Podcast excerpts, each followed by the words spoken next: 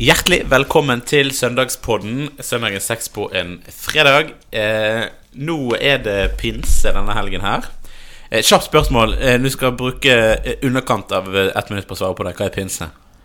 Pinse er at eh, loven skrives på våre hjerter ved Den hellige ånd, som er utøst gjennom Jesu kjærlighet til oss. Veldig bra. Veldig bra. Du har jo blitt spurt Det var mange store ord!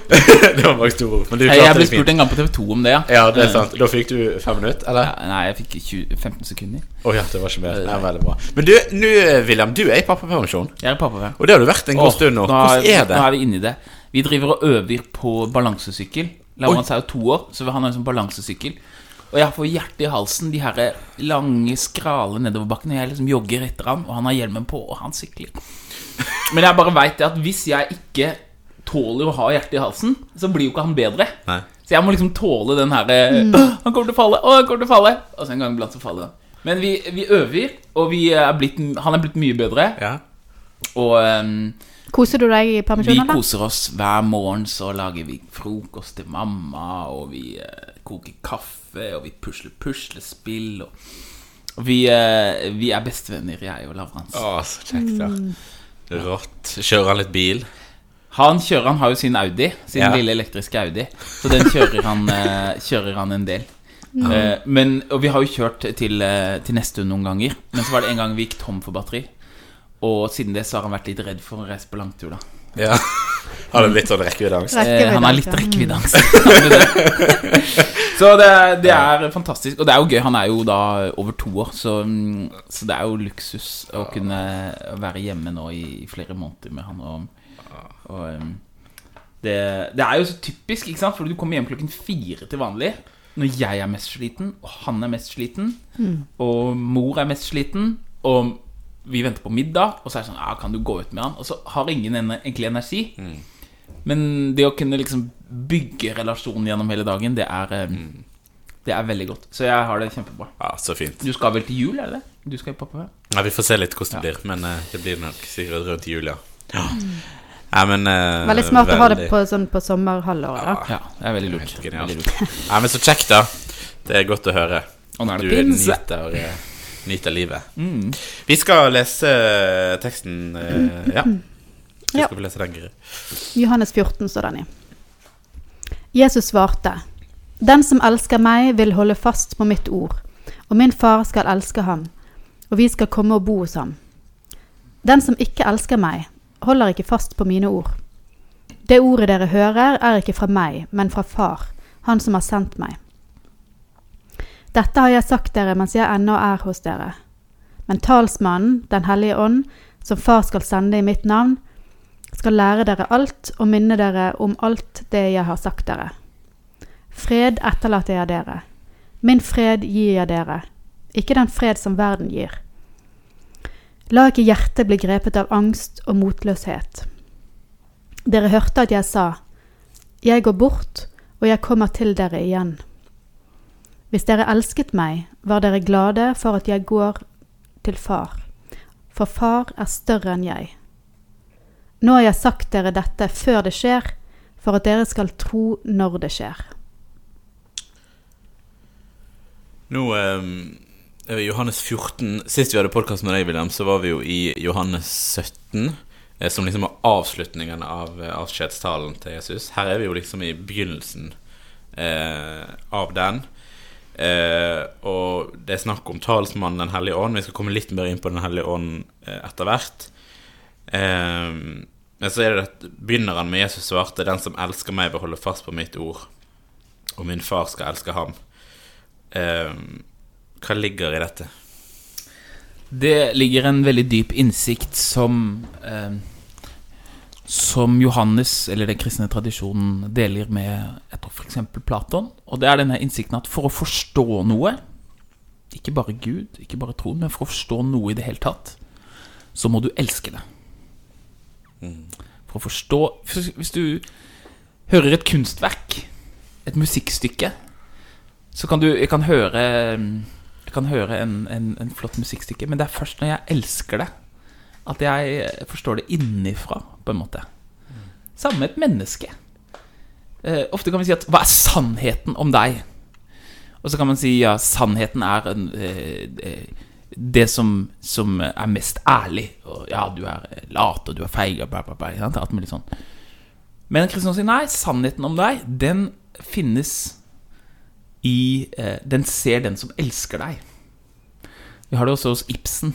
Hvor var jeg hele denne tiden, sier Ibsen i, Nei, sier eh, Per Gynt i siste scene. Og så sier eh, Solveig I min tro og i min kjærlighet. Det er en dyp kristen innsikt. Sannheten om tingen ser vi bare ved å elske den. Og På samme måte så er det som med Guds ord og med det Jesus sier, at vi kan ikke forvente å først Først forstå det, og så liksom ta, på, liksom, på en sånn Ta en avgjørelse. Ok, nå går jeg inn i dette.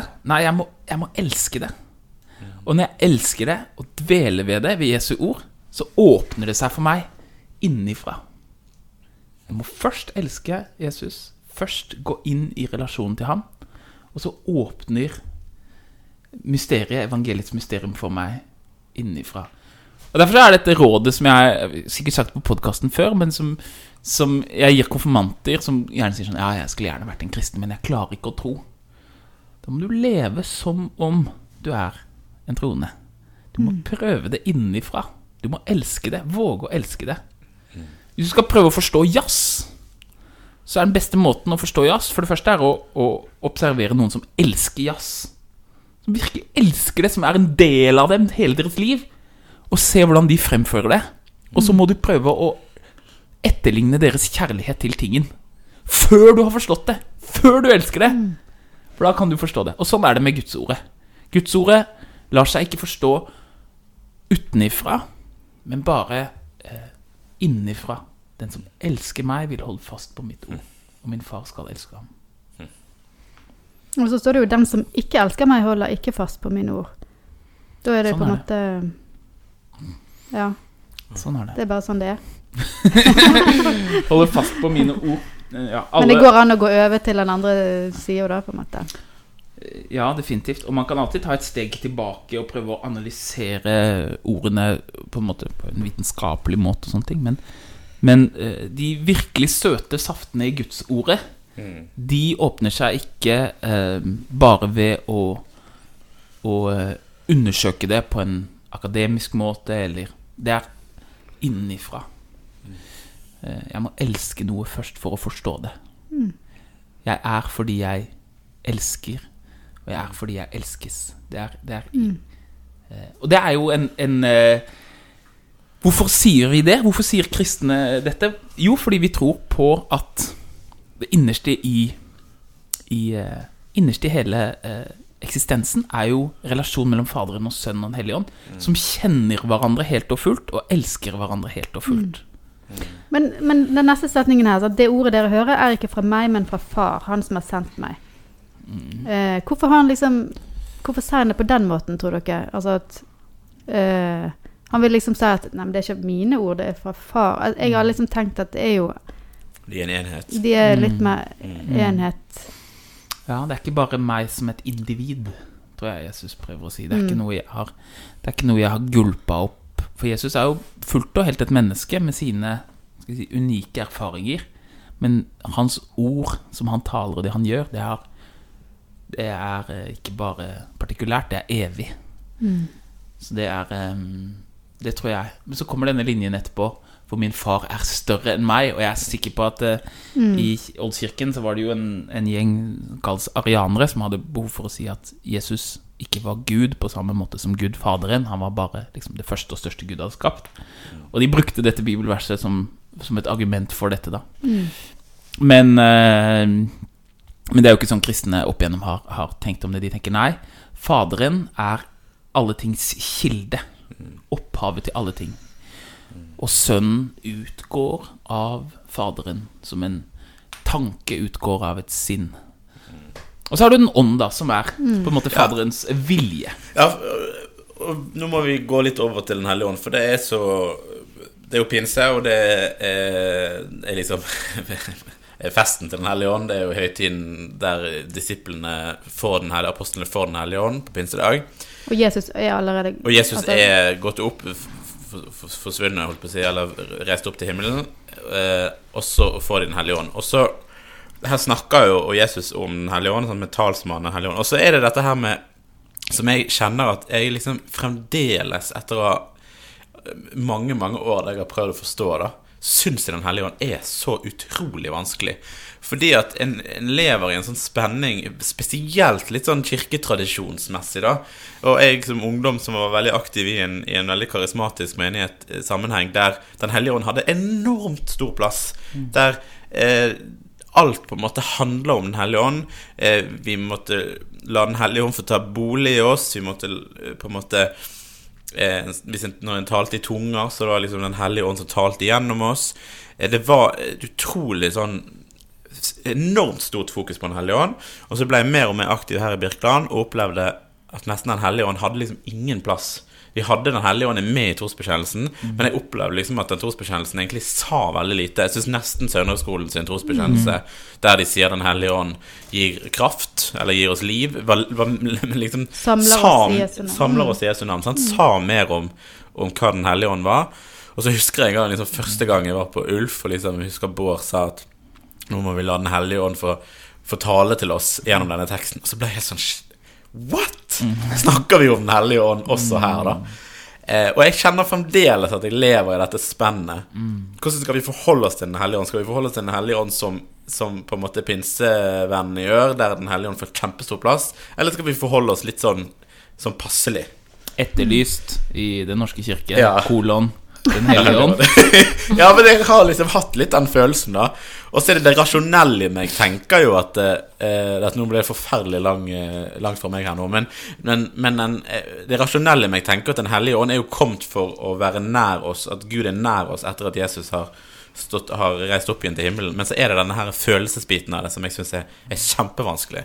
Ja, at du skulle hatt mer av han, på en måte. Ja, og så, på- Vi må snakke mer om han For det er liksom behov for å si det. Og prøve å snakke om erfaringene. Ja. Det er, jo, det er jo ingen tvil om at i Nytestamentet, når Paulus ber om at de skal få Den hellige ånd, så forventer han en erfaring. At de skal få en erfaring, ikke bare en sånn eh, En sånn 'nå er dette skjedd, ferdig med saken', men noe som enten de taler i tunger, eller de, de, noe som de kan si det var en forskjell fra før til nå. En, en, en påtagelig erfaring. Og det ser vi også fra de tidligste dåpsliturgiene. Altså etter den At, at eh, etter dåpen så ble eh, da den den eh, ble den døpskandidaten lagt hendene på, bedt for, eller salvet med myronsalvelse.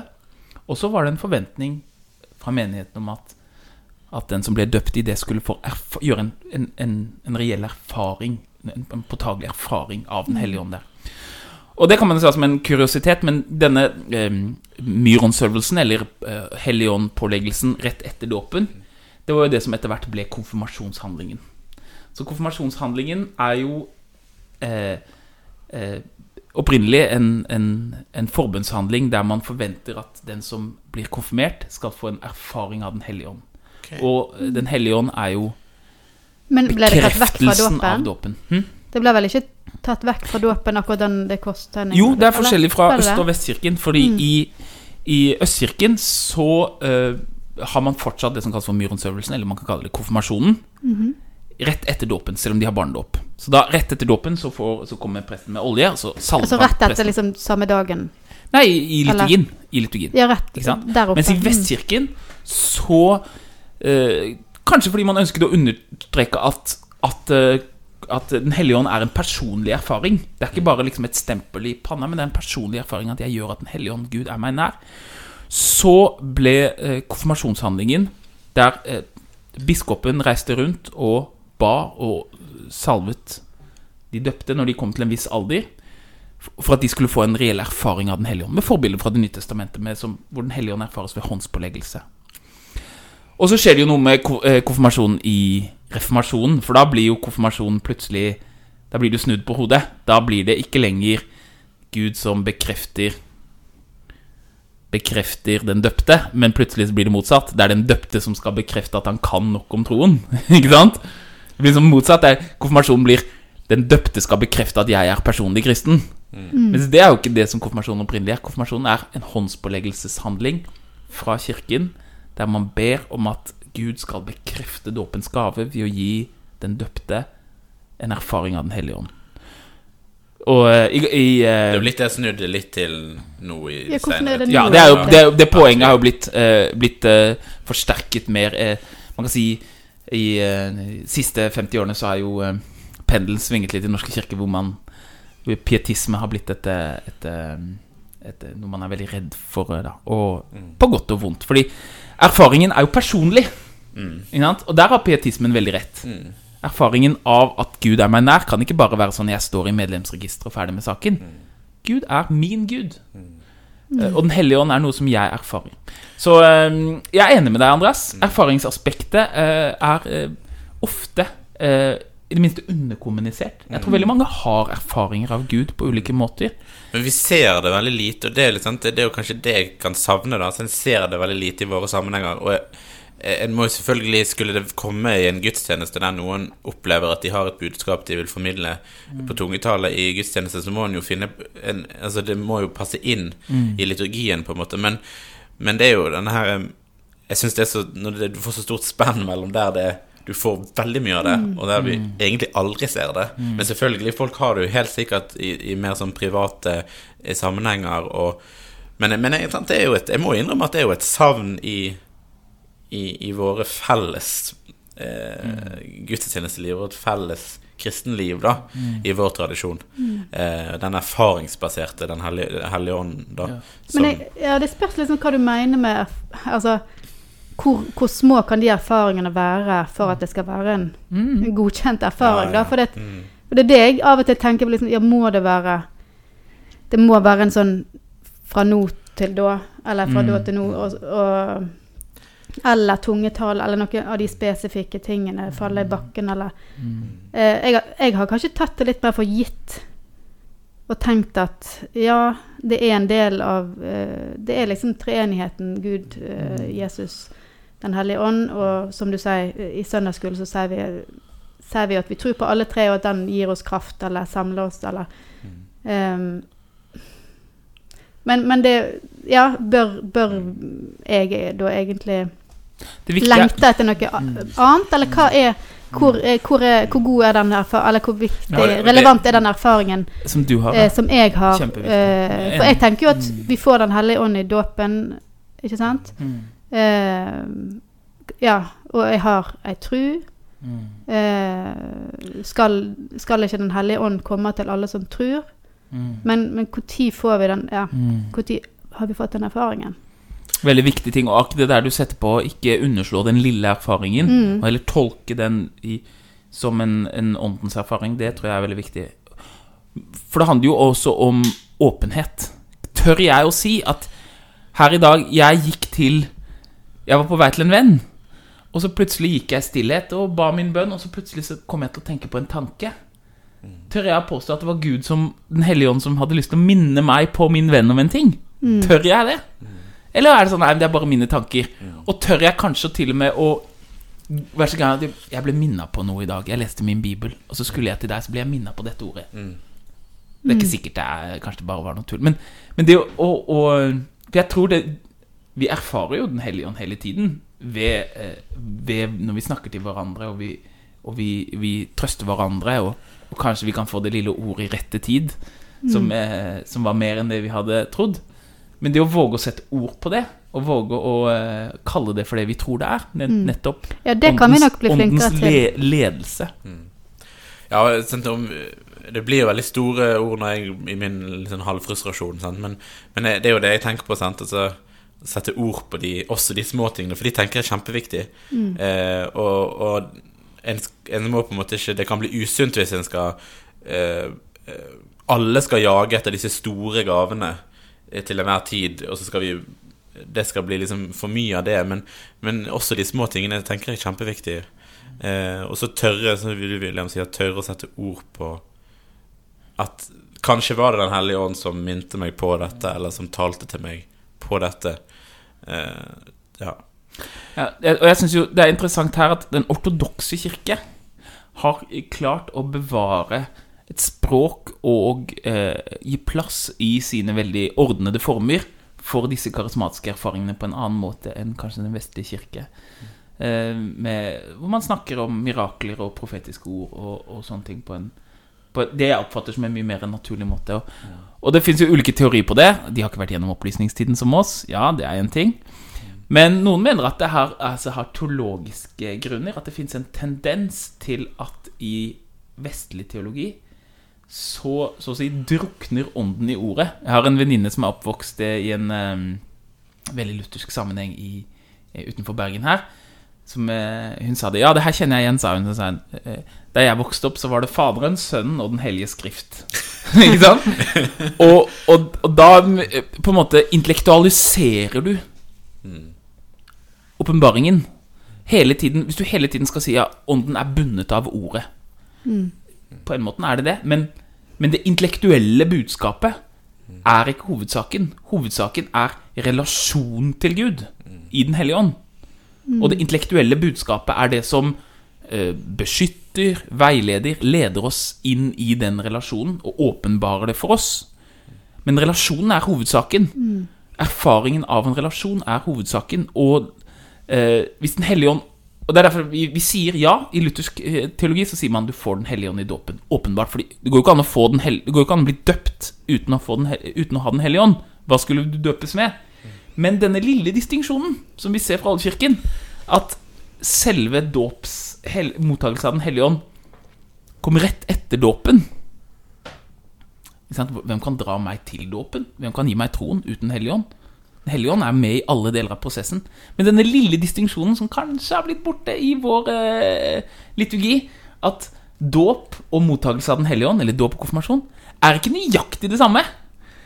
Eh, eh, den Dåpen er noe som gis meg eh, uavhengig av meg selv, og mottagelsen av Den hellige ånd er en, en, en personlig erfaring. Jeg har noen ganger tenkt på det, og det, det hadde ikke biskopen akseptert, men etter dåpsliturgien så har du Den allmektige Gud har nå gitt deg sin hellige ånd. Og det hadde vært fristende og hvis man skulle vært mer inspirert av den ortodokse tradisjonen, og der heller si Den allmektige Gud gir deg sin hellige ånd. Ja. Det kunne gått an. For, liksom, det en, for det er det vi ser i apostlenes gjerninger. At dåp og Den hellige ånd henger uløselig sammen og kan ikke forstås uavhengig av hverandre. Men ikke er nøyaktig det samme heller. Det er derfor du har disse Er dere døpt? Ja, men vi har ikke hørt om noe hellig ånd, sier de. Er det noen som sier. Å ja, hvordan, hvordan kan det være mulig? Og da risikerer vi igjen dette her med at ånden drukner i ordet. Erfaringen, eller den personlige erfaringen, blir helt liksom borte i, i intellektuelle utleggelser om troen. Men- Når det er jo det som er hovedsaken. Bare et spørsmål. Men, altså, han kalles jo talsmann, sant? Og ref. hun Den var litt sånn karikert, den eh, Faderen, Sønnen og Den hellige skrift. Ja. Men en, en bønn, for eksempel, vil ikke vi tenke at det er jo en, en av erfaringene hvis, hvis vi tenker at Den hellige ånd er vår talsmann, sant? så Altså, det, det er jo ingen som tenker at bønn ikke er en del av eh, en sånn eh, eh, luthersk tradisjon, sant? Nei, nei. Og det, Eh, og det er jo en. Er ikke det en erfaring god nok, på en måte? Det er en erfaring god nok, definitivt. Eh, det er en erfaring god nok. Eh, det må bare eh, ha med alle aspekter av menneskelig liv, og ikke bare det som er eh, i hodet. Og eh, Og eh, t- troen er for også de som ikke kan lese og skrive, og de som ikke er eh, Er eh, har språk. Og på hvilken måte er den det? Jo, som relasjon. Uh, og uh, neste gang dere har Bård her, så får han forklare meg hvorfor jeg tar feil, og hvorfor Luther tar rett. For, uh, for der er sikkert han og jeg har sikkert noen nyanseforskjeller. Men, men jeg etterlyser, sånn som Andreas noen ganger, litt denne, denne erfaringsdimensjonen i den lutherske teologien. Og jeg noen ganger så føler jeg at det er fordi at ånden drukner i ordet. At vi forholder oss til Faderens sønn og Den hellige skrift framfor Faderens sønn og Den hellige ånd. Men eh, ja, det, altså, det her har teologer diskutert siden uh, 500-tallet før Kristus. Og det var jo det som var hovedgrunnen til splittelsen mellom Øst- og Vestkirken. Og hvem er vi? Etter Kristus. Etter Kristus. ja. Et, ja, altså, eh, hvem er vi til å finne, løse Ja, ja. dette? Men samtalen er viktig. Kjempeviktig. kjempeviktig Åh, Kjempespennende. Vi har eh, brukt eh, god tid på dette, og det har vært veldig fint. Vi skal avslutte med å be vår far over velsignelsen. Vår Far i himmelen. La navnet ditt helliges. La La riket ditt komme. La viljen din skje på jorda slik som i himmelen. Gi oss i dag vårt daglige brød, og tilgi oss vår skyld, slik også vi tilgir våre skyldnere. Og la oss ikke komme i fristelse, men frels oss fra det onde. For riket er ditt, og makten og æren i evighet. Amen. Velsign oss Gud Fader, velsign oss Guds Sønn, velsign oss Gud du Hellige Ånd.